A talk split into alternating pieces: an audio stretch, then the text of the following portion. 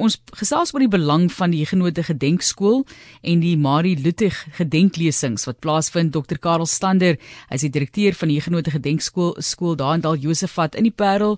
Baie welkom dokter. Goeiemôre, Madelies, dankie. Goeiemôre luisteraars. Gee so 'n bietjie agtergrond asseblief van die gedenkskool self daar te Kleinbos. Ja.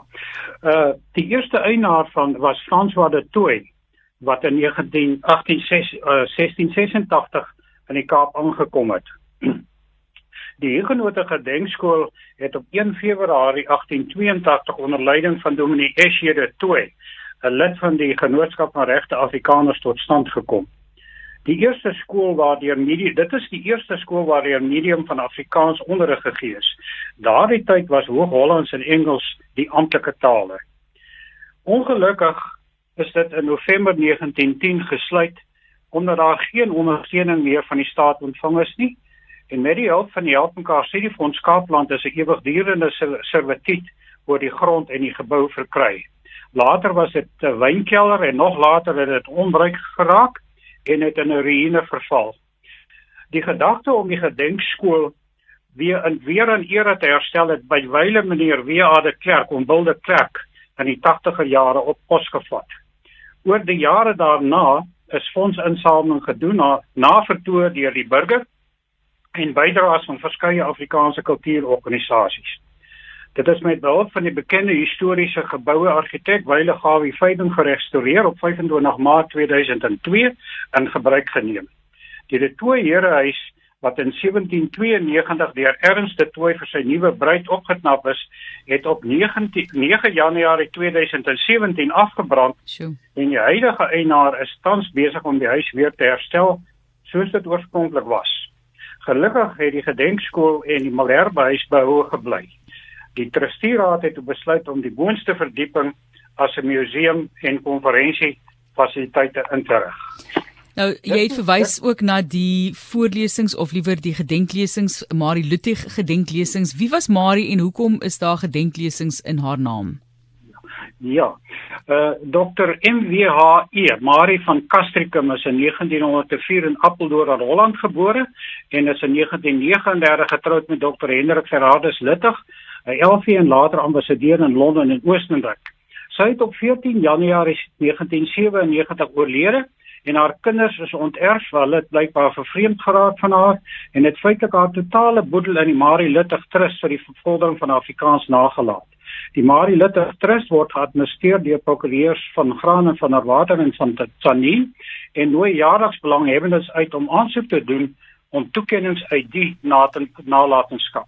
Daar is in 2003 op die Marie Luttig gedenklesing besluit en dat dit jaarliks skenking uit die Litterfonds vir die bevordering van Afrikaans aangewend sal word.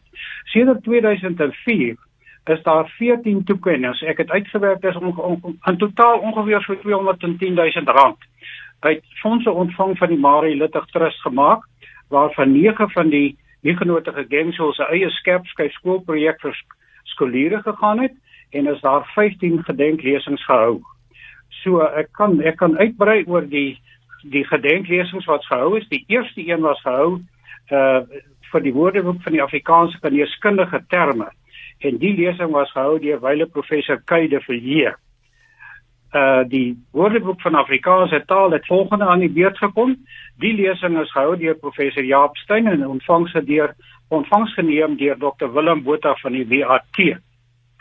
Die daarna het die Helpenkaar Studiefonds die Marie Luttig uh, lesing gehou uh die fonds uh, die die lesing is hulle was die begunstigdes en die lesing is gehou deur professor Elise Botha voormalige kanselier van die Universiteit Stellenbosch en die skenking is ontvangs geneem deur Dominic Kobus van der Westhuys.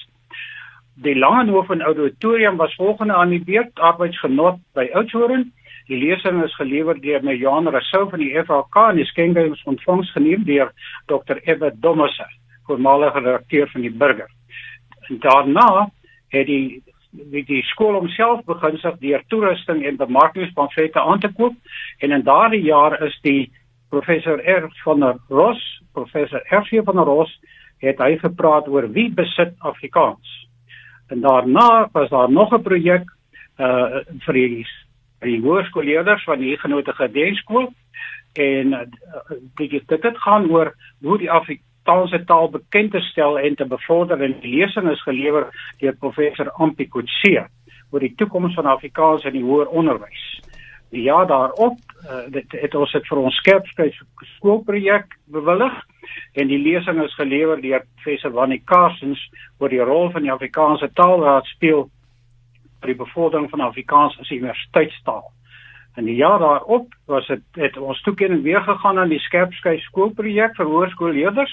Die lesing is gelewer deur professor Pieter Kap en uh die, die tema was sonder Afrikaans is ek niks. Ja.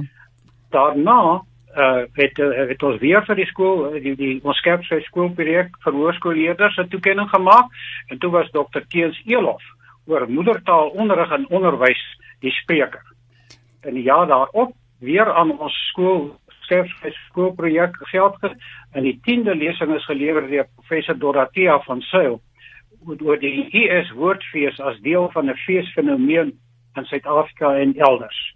Die jaar daarna het professor Wim van Sail oor humor en Afrikaanse letterkunde die lesing gelewer en die jaar daarna het dit die 13de lesing aangebied deur Ben Booyens, redakteur van die Burger oor die 100 jaar bestaan van die van die burger en dan die jaar daarna is uh, die 14de lesing aangebied deur Daniel Hugo oor die onderwerp vertaling om voltyds in Afrikaans te werk. En die jaar daarop is die die 15de lesing deur Alexa Strahan uh, gelewer oor hoe om 'n dorpsfees volhoubaar te bestuur.